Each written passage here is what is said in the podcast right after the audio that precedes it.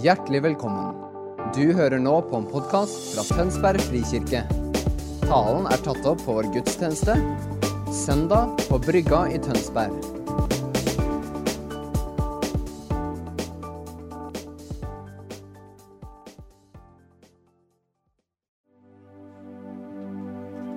Jesus, vi elsker deg. Takk for at du er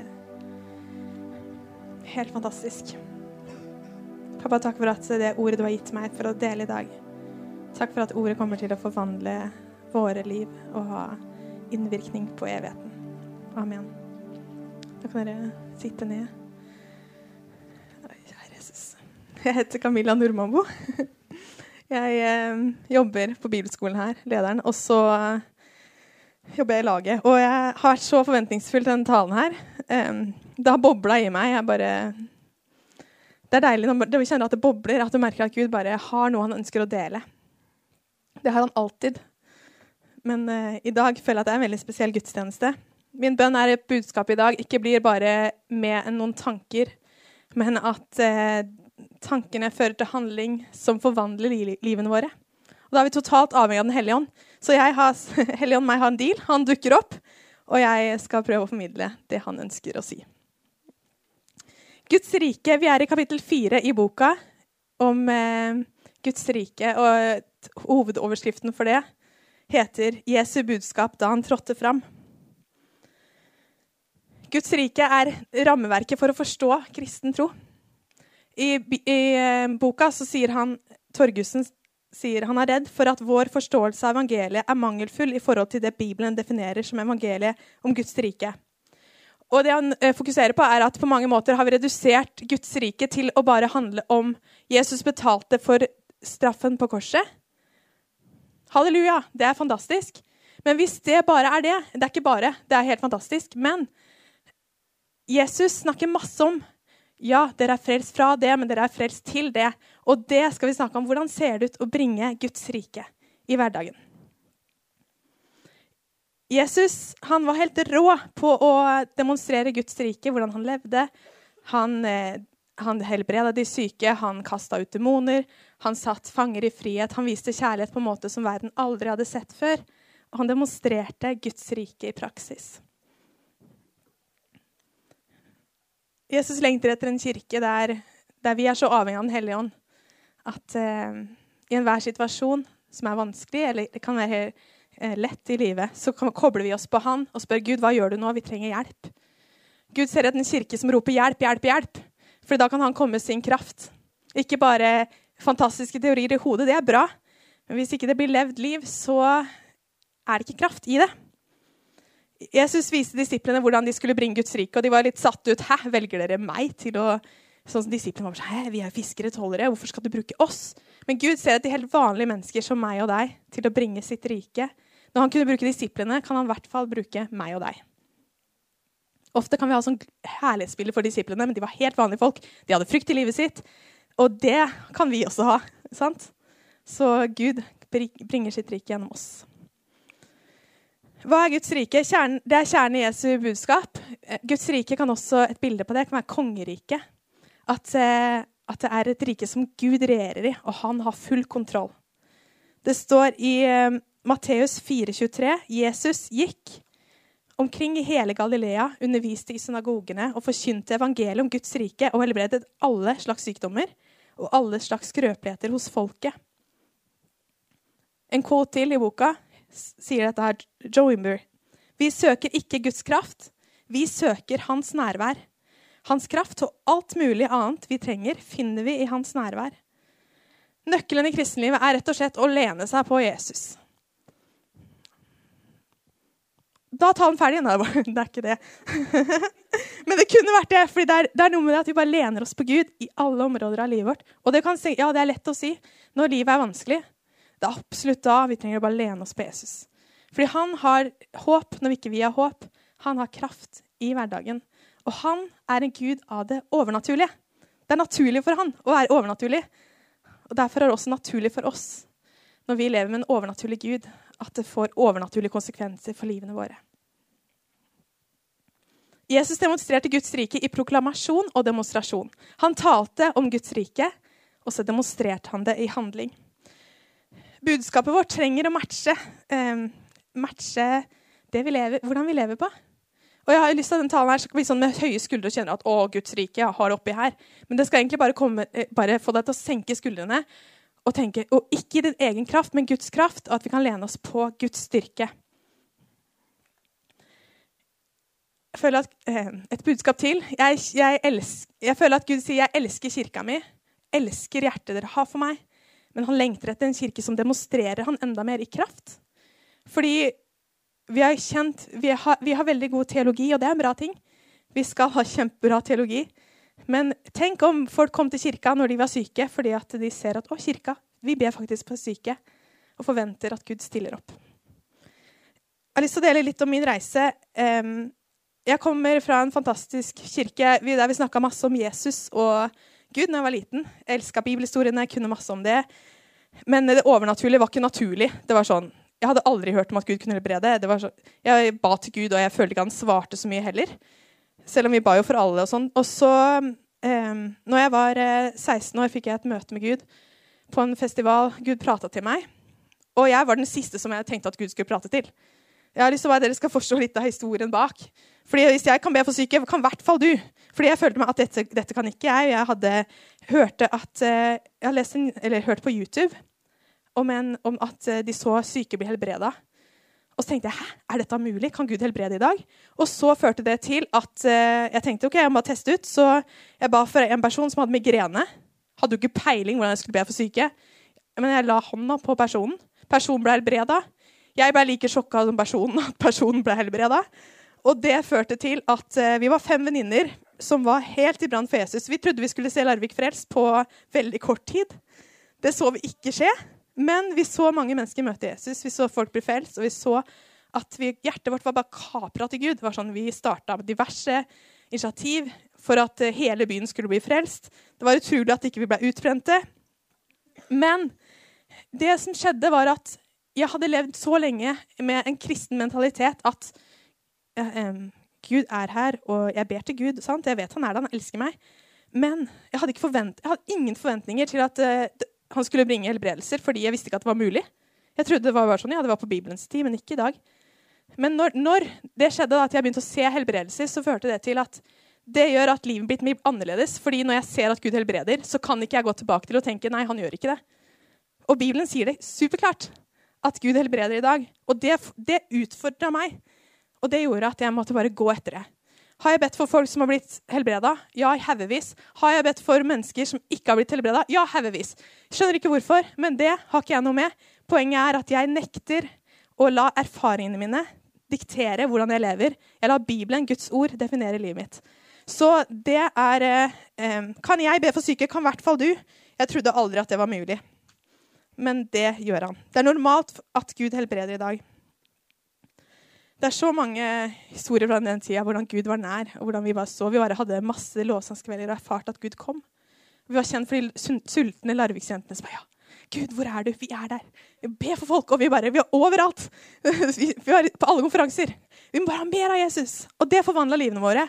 Og jeg er så glad for at jeg kan si i dag at jeg, nå er det jo to, det var i 2000 og, ja, veldig lenge siden. da. Jeg har ikke tid til å regne det nå, men men i hvert fall så skjedde det at, eh, at når Gud forvandla mitt hjerte, så kunne ikke jeg gå tilbake til der jeg var. Og det gjorde noe med kirka vår også. Det var sånn, folk hadde jo ingen forbilder som så folk bli helbreda. Jeg hadde ingen forbilder som for, forventa at Gud skulle dukke opp. Men jeg hadde noen som hadde sett og hørt om Gud, at Gud virker i dag.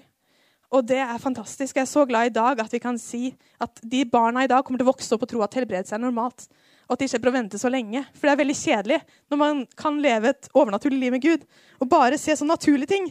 Det er jo mye gøyere å se Gud virke i dag. Hva er nøkkelen her? Overgivelse til Jesus. Si ja til Jesus. Og velge å lene seg på han. Å velge et liv, leve et liv i tro, ja, det er utfordrende noen ganger. Det koster. Du må ut av komfortsona. Alle har en komfortsone, og den skal, burde krysses. Men er det komfortabelt? Nei. Det er en grunn til at det heter komfortsone. Men når du krysser den og erfarer at Gud dukker opp, så er det så verdt det. Da glemmer du at 'å ja, jeg hadde faktisk frykt før, men det gikk fint'. Eller du sier hei til, frem, hei til en fremmed på gata. Altså. Det koster litt, men ja, det var verdt det. Etterpå deler du vitnesbyrdet så frimodig. 'Å, Gud gjorde dette!' Og så kjenner du egentlig 'ja, jeg var skikkelig redd før'. Men, eh, men det er et del av bildet, det også. Gud er ikke redd for at vi er redde, fordi han har, den, han har ikke noe frykt, han. Så vi kan bare lene oss på han. Et liv med overnaturlig liv med Gud får konsekvenser for hvordan jeg lever, og det er jeg så glad for. En verden der det er mange, mye håpløshet. Verden trenger en kirke som roper ut 'Ja, jeg kan be for deg'. Når noen har det utfordrende på jobb, 'Ja, jeg er her for deg'. Når, de, når, når kirka er en kirke som sier 'Ja, kom til meg, du'. Jesus sier 'Kom til meg, alle som strever', så vi kan være de personene som kommer, de kan komme gjennom oss til Jesus. Så jeg kan be for deg. Ja. Jeg tror vi skal være supergode til å bare stille det spørsmålet. 'Å ja, jeg tror på Gud, og jeg kan be for deg.' Det trenger ikke å være så avansert. Yes. Gud kommuniserer hjertet sitt gjennom oss som er kristne, til en verden som han elsker, og han lengter etter at de skal elske han tilbake. Og gjennom at vi demonstrerer Guds rike i handling, så gjør det at folk ser å, Gud virker i dag. Han vil jeg kjenne. Og Hvordan ser det ut i praksis? Det ser ut som at Når du sitter på jobben, og så er det en som har ryggsmerter, så spør du Oi, du, du jeg øver litt på dette kristenlivet. Jeg er ikke, alltid, jeg er ikke eksperten her, men kan jeg be for deg? Jeg er veldig god på å si at jeg øver. Fordi det gjør jeg. Jeg, ikke, jeg lover ingen helbredelser, men jeg lover at jeg skal be for deg. Og det blir folk så møtt uansett om det blir helbreda eller ikke. For det er ikke min oppgave uansett. Jeg har ikke peiling på hvordan Gud helbreder. Jeg bare vet han. Han gjør det. Mm. Og Jesus teller ikke gjerningene våre. Han teller ikke, han er ikke sånn 'Å ja, du har gjort sånn. Veldig bra jobba.' Men han lengter etter et folk som bare har catcha Guds hjerte, og som gjør at vi lever annerledes. Selv om jeg jobber i kirka og bruker masse tid med Gud Ja, da kommer tårene igjen. vet du. Da, selv om jeg bruker mye tid med Gud Jeg, trenger, jeg er så avhengig av det. hver gang jeg skal undervise, jeg trenger Helligånd. Helligånd kommer og gir det jeg trenger hver, hver dag. Når jeg kjenner meg håpløs, jeg trenger Helligånd. Helligånd er her, og han ønsker å gi oss det vi trenger i hverdagen. Se for deg disiplene. De var helt vanlige fiskere, og de var gode på det praktiske. Og Jesus valgte de. Vi trenger ikke være redd for å dumme oss ut. Det er ikke farlig å dumme seg ut.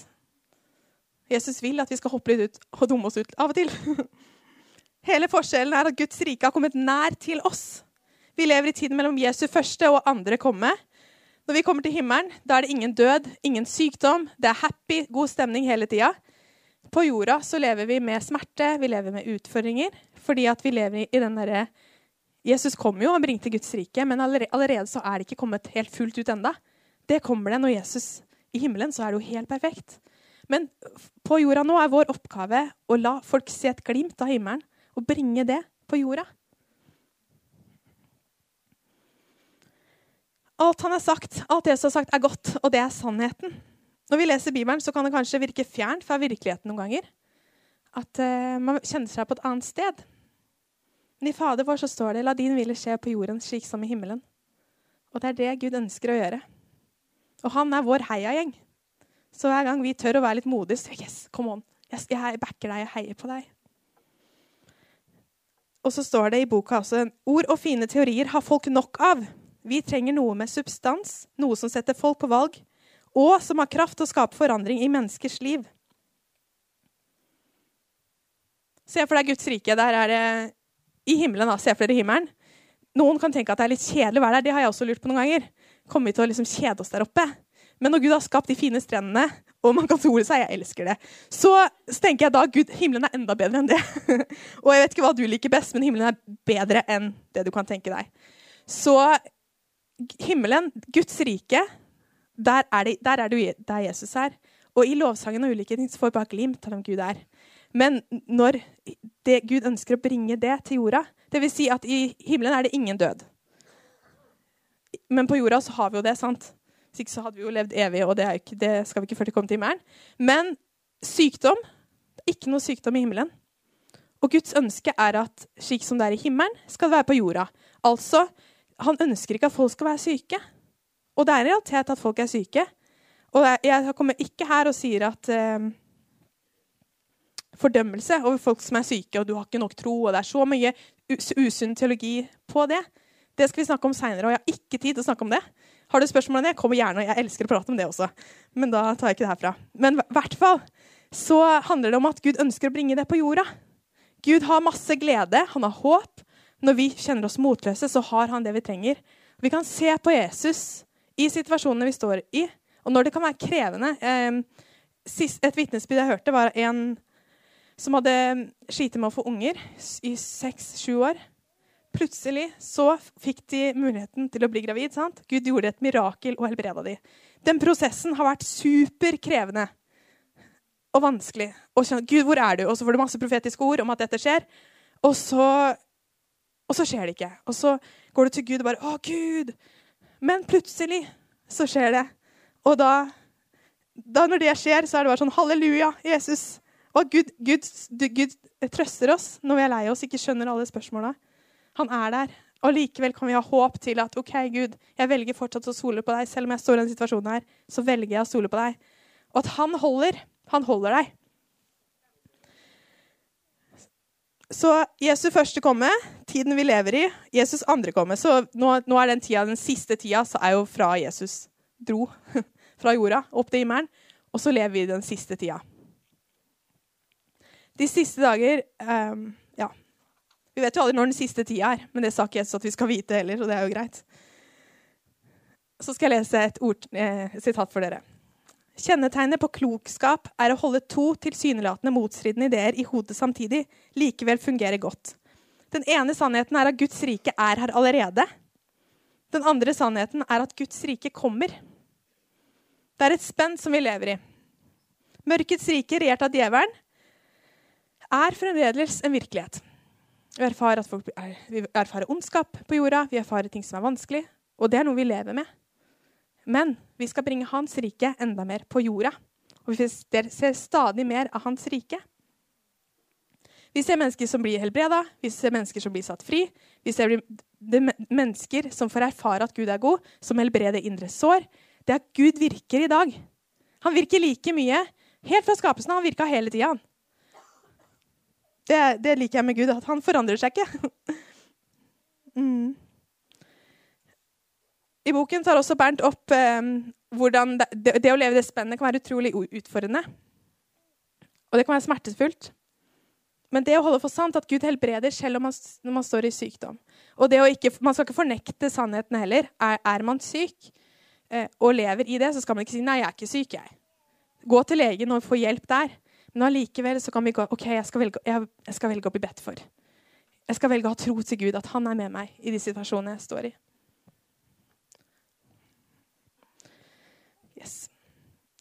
Eric Johnson er mitt forbilde for det. fordi han, eh, han, er døv på det ene øret. Han ser mange døve bli helbreda. Og han går etter det. Bare, det skal jeg i hvert fall da, for han vet jo hvordan det er. Og det å ikke la våre begrensninger eller det vi, har, det vi står i, hindre oss for å bringe Guds rike. Tre uttrykk som, om samme virkelighet. Guds rike er der hvor Jesus er, og Den hellige ånd får råde. Guds rike består av kraft. Paulus var tydelig i Romerne 14. Guds rike består ikke i å spise og drikke, men i rettferdighet, fred og glede i Den hellige ånd. Første kor 4.20. For Guds rike består ikke i ord, men i kraft. Dette handler om at Evangeliet handler ikke om liksom, fine nyheter. Det er gode nyheter, men det er gode nyheter i praksis. Jesus springte med å være, og han demonstrerte Guds rike. Apostelens gjerninger 2,17. Og det skal skje i de siste dager, sier Gud. Det er altså tida vi lever i nå. Det er jo fra, pins, eh, fra pinsedagen. Jeg vil utøse min ånd over alt kjød. Deres sønner og døtre skal profetere, ikke kanskje. Deres unge menn, menn skal se syner. Deres gamle menn skal drømme drømmer. Mm. Ja. Når folk er fylt av Den hellige ånd, så slår man ikke seg, ro, eh, seg til ro med status quo, eller sånn hvordan det er nå. Men man ser etter OK, Gud, hva er det du ønsker å bringe nå? Kanskje du aldri har sett noen blitt helbreda. Så kult! Da har du muligheten. Eller kanskje du aldri har er liksom, Nei, jeg skal ikke leve det livet. jeg. Det trodde ikke jeg heller, så jeg skjønner det veldig godt. Og jeg var skikkelig skeptisk til alt med helbredelser og overnaturlig livet med Gud. Fordi at jeg trodde ikke det var mulig. Men eh, jeg har sett og hørt, og jeg ønsker å dele det. Og det er mulig. Bare test ut, og du vil erfare at Gud virker.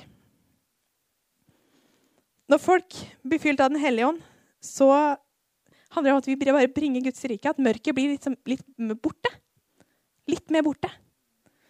Når vi er på jobb eller møter en person som er i håpløshet, så vil vi komme og be for dem og bringe Guds rike. Og vise kjærlighet. Eller det kan være å gjøre godhet for noen.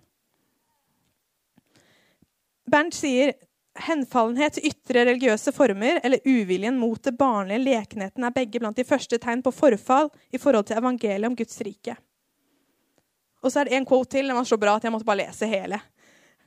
Et, et mangelfullt evangelium vil i beste fall fostre svake og umodne kristne.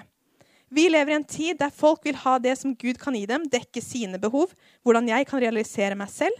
Selv om det kan være en bonuseffekt av å følge Jesus, trenger vi å forstå det var ikke slik Jesus forkynte evangeliet. Evangeliet handler om for den som søker å berge sitt liv, skal miste det. Men den som mister sitt liv for min skyld og evangeliets skyld, skal berge det. Jesus sier, 'Søk først Guds rike, så skal dere få alt det andre i tillegg'. Kolosserne sier at Guds rike er i dere. Jesus er i oss. Og det er jo hele forskjellen. Alle vi er lys. Når vi har Jesus i hjertet vårt, så er vi lys. Så når du går en, hvor, hvor enn du går, så er Jesus på innsida. Og når du blir klar over at Jesus er der, så tenker du oi, Gud er med meg her. ja. Å, Det er hele forskjellen. Det gjør at vi alltid kan se på Jesus, og at han alltid er der for oss. Ordet jeg har kjent på i forhold til dette, er nysgjerrighet. Det er noen ganger normalt når vi blir vant til noe, at vi bare tar det litt for gitt. Jeg kan i hvert fall lett gjøre det hvis det er en periode som jeg har fokusert masse på noe. Også. Eller at du bare tar litt for gitt at eh, ja, Gud svarer på bønner, eller han, han helbreder, men at kanskje man ikke går litt etter det. Eller kanskje man lever på vitnesbyrdene som skjedde for 20 år siden, og tenker ja, Gud gjorde det da. Og det er fantastisk, og man kan feire vitnesbyrdene. Vi skal feire vitnesbyrdene hele tida om det Gud har gjort for lenge siden. Men spørsmålet mitt er hva gjorde Gud sist måned? Hva gjør Gud i livet nå? Og Noen ganger utfordrer det meg, for sånn når vi skal, skal vitnesbyrde ting, så bare Hva har skjedd i det siste, egentlig? Og så kan jeg tenke liksom noen måneder tilbake, eller hvis jeg, i hvert fall spesielle Nå, er, nå tenker jeg spesielt f.eks. helbredelse. da. Nå, det, nå, har jeg ut, undervist masse og hatt, har ikke hatt så Eller jeg har jo hatt tid. Jeg kunne, kunne jo gått med på gata. Jeg har ikke prioritert tida på det. Um, og det har kanskje gjort at jeg har ikke sett så mye vitnesbyrd på helbredelser i det siste. For eksempel. så jeg må gå ganske langt tilbake for å se det. Men hvis jeg skal se på andre ting, hvis jeg skal se på profetiske ord Forrige, forrige søndag så ble jeg minnet på noen jeg skulle gi et profetisk ord til, som talte rett inn i situasjonen deres. Og de ble skikkelig møtt av Gud. Det var én situasjon. Men jeg, jeg, lengter etter at vi ikke lever på gårsdagens brød. At på en måte vitnesbyrdene fra det Gud gjorde Ja, jeg ble frelst da Gud kom og tok bolig i hjertet mitt. Fantastisk. Men hvordan virker Gud i hverdagen nå? Hva er det Gud gjør? Det elsker jeg når jeg jobber på bibelskole, fordi er får være med fantastiske folk. Jeg er så glad i de. Nå har vi elleve elever, og de, ja, hverdagen er fin. Men, men, det å se bare hva Gud gjør i løpet av et år Kan du se det hele tida? Helligånd helbreder sår. Helligånd viser at han kan helbrede. Helligånd gjør så mye hele tiden. Så det er jo bonus. Jeg elsker jo jobben min. Det er jo helt fantastisk. Men, men samtidig så er det bare sånn OK, hva gjør Gud nå? Og det spørsmålet kan være kjempegodt å stille. Gud, hva gjør du nå? Og Det skal ikke være sånn dårlig samvittighetskultur heller. Å nei, jeg har ikke sett noe Gud gjøre det siste. Jeg tror Gud alltid gjør noe, bare vi får øya på hva han gjør. Og at det er ulike sesonger. Og når vi står fast, kanskje at vi står litt fast i livet, eller kjenner åh, jeg har en vanskelig sesong. Kling deg til mennesker som har håp, eller eh, har de gjennombruddene som du lengter etter. Ønsker du å se for mer helbredelser i livet ditt? Ja, dra på undervisningskveldene, eller dra på steder eller vær med folk som ser det du ønsker å se. Og det kan være litt sånn her, gå med de erfarne, for da kan man lære. Eller syns det er vanskelig å høre Guds stemme, så kan du være med en sånn treer på forbundstime som kan bare stå og lytte, og så, og så eh, garanterer jeg ja, Helligånd stiller opp. Men i hvert fall at, eh, at, du kommer til å få mange av de samme orda som de andre. Og Alle kan høre Guds stemme, men vi har kanskje ikke lært det. Eller at vi tenker at vi gjør det. Men Gud prater hele tiden. Så gå med de erfarne. Og sult går jo opp og ned. Noen ganger er jeg kjempesulten, og noen ganger er jeg kjempemett. sant? Det varierer. Men da det å kontinuerlig være sultne på Gud og si Gud, hva gjør du nå? Vis meg mer av deg. Jeg føler meg som et barn av Gud. Jeg har sett masse, Gud gjort masse i livet. Og allikevel så føler jeg meg som en unge som bare har sett så lite Gud. Jeg vil se mer. Hva, hva gjør du nå? Jeg vil se mer. Jeg er ikke, tilfredsstilt.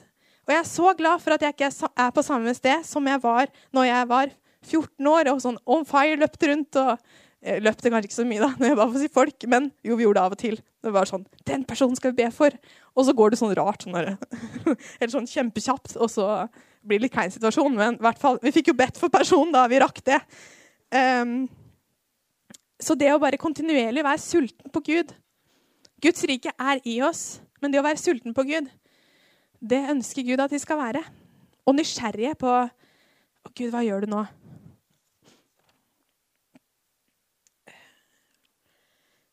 Kanskje det er noen områder, områder, i livet som tenker ja, det kan jeg, ikke noe problem. Eller ting du har sett for mange år siden som du kanskje har lagt litt på hylla. Eller det er kanskje ja, jeg brukte mye tid med Gud før, men nei, nå trenger jeg ikke det. Jeg har kommet over den fasen. Når Jesus trengte det hele livet, så trenger i hvert fall vi det også. Å bruke tid med han. Og det ser veldig ulikt ut fra person til person. Noen elsker å være timevis med Jesus. Andre liker to minutter. Men vet du hva? Jesus liker at du tar to minutter også. Han ser ikke på hvor mye tid vi bruker med han, og det er veldig forskjellige faser. Ja, men I småbarnsfasen så er det veldig hektisk. Men da gir Gud akkurat det du trenger i den fasen du, du er i. Og han ser etter hjertet ditt. Da bare koble på han. Jeg drømmer om at vi er sultne på å se en kirke eh, der vi er åpne for at eh, Gud helbreder gjennom oss. Jeg drømmer om at eh, folk blir forvandla av Guds godhet når de kommer inn hit. En sult i oss at lammet begynner å gå. Tenk at folk kommer inn i kirka her, og så blir de fullstendig helbreda. Eller kommer på kinoen. Fordi de bare kjenner at oi, her er Guds nærvær. En, folk, en sult til at folk kommer hit og får et møte med Gud. En sult der folk har slitt med ting i ti år og kommer, kommer, inn hit. Og Noen ganger er det en sånn prosess der man må gå gjennom og samtaler. sant? Og det er bra noen ganger, men noen ganger så skjer det at Gud helbreder ting der og da. Indre helbredelse. En sult til at Gud er større enn vi tenker. Gud er overnaturlig. Ingenting er umulig for han.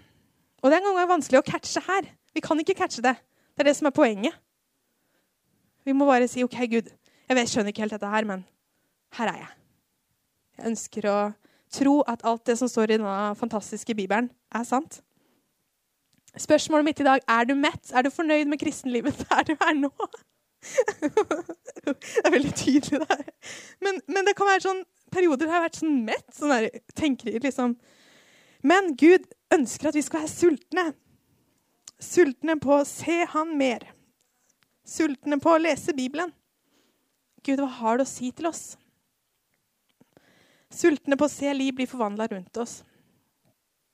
Sultne for å forvente at Gud gjør noe nytt. Sult er noe som Gud elsker. og Gud, han, eh, I Bibelen snakker Jesus om at eh, Guds rike kommer til barna. At vi må, forstå, vi må, være som barn for å forstå Guds rike. Og barn er veldig nysgjerrig. De spør alltid hva, hvordan, hvorfor. Hæ? Hvorfor er det sånn? Og sånn kan være med Gud også. Gud elsker spørsmålene våre. At vi kommer til han og sier 'Hæ, Gud, jeg skjønner ikke dette'. Hæ, hvorfor funker det sånn? Um, jeg har ikke hørt deg ennå, men kan du prate? Han elsker spørsmålene, for da kan han respondere med svarene sine. Og han er ikke sånn som presser seg på, som skal få oss til å løpe rundt og sende oss til Afrika, liksom. Det er ikke Men han, han elsker at vi spør spørsmål. Er vi en spørrende kirke som kommer til ham? Mm å ha et ydmykt hjerte som sier ja til Jesus. 'Jesus, du vet best. Jeg vil lære av deg. Jeg vil følge deg.' Jeg har en, en pastor i, um, i Canada. Han var utrolig god på det, fordi han hadde sett så mange bli helbreda av skuldre at han var nesten lei. på en måte. Eh, det er så bra å bli lei av helbredelser. Litt sånn sånn her, Å ja. Been there, done that, liksom. Det har vi, det har vi sett før. Men han imponerer meg, fordi han var sånn Hver gang så satt de på første rad og så bare oh, Nei, tuller du? Gud helbreda en skulder! Det er jo helt fantastisk! Det hadde sikkert et tusen skuldre blitt helbreda. Men allikevel så var han sånn Yes, wow, dette er kult! Og det å, det å bevare den barnlige nysgjerrigheten og sulten, eller den derre Oi, Gud prata til meg! Det var kult! Og det å være så nysgjerrig på Gud hele tida, ikke ta det for gitt, det er en uh, utrolig viktig ting. En, en pastor som jeg jobba for i USA, han sier det. Sult, eller eh, himmelen, responderer på sult. Hvorfor er det noen som ser mer enn andre? De er sultne. De bare må ha Noen ganger sitter jeg, Jesus, jeg må ha, Du må prate til meg. Her er jeg. Jeg kunne gjort masse nå. Jeg er sliten, kanskje, eller jeg kjenner på ulike ting. Men jeg, jeg er desperat. Gud, jeg trenger et møte med deg. Ingen, ingen andre kan gi meg det. Vi kan, og vi kan bli veldig sånn, tilfredsstilte relasjoner. Sant? Vi er jo sosiale, jeg er veldig sosial da. Men hvis man er veldig introvert, så liker man jo veldig godt tid aleine. Og det er jo fantastisk. Men det å bare, bare være sulten på Gud Gud, jeg trenger deg. Jeg, jeg klarer ikke dette livet aleine. Jeg, jeg, jeg, jeg, vet ikke hvor jeg hadde vært hvis jeg ikke hadde hatt deg, Jesus. Jeg trenger at du viser deg sjøl. Gud vet best. Så lære meg hvordan du tenker, Jesus. Omform hjertet mitt. Når der vi har ting som ikke funker. 'Jesus, jeg trenger deg. Kom.' Og han kommer. Og så er det ikke alltid han kommer sånn Ta-ta, her er jeg. Camilla, du har håp her, eller fred. Han kommer på ulike måter. Noen ganger så er det sånn stille. Noen ganger så prater Gud ingenting. Men jeg kjenner på en fred. Eller du kan være i en håpløs situasjon, så bare kjenner du 'Å, Gud, kom'. Og det er hele nøkkelen. Han kommer så er vi veldig forskjellige som mennesker, og vi er en ulike reise med Gud. Men i hele Bibelen så ser vi at når folk venner seg til Gud, så kommer Gud.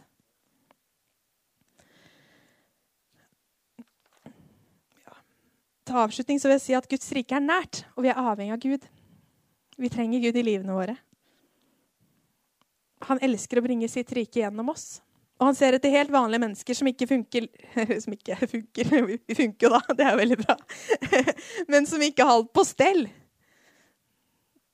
Men han ser etter mennesker som sier ja til ham. Og når vi, Jesus bor i hjertene våre, så gjør det noe med oss fordi vi har en overnaturlig Gud.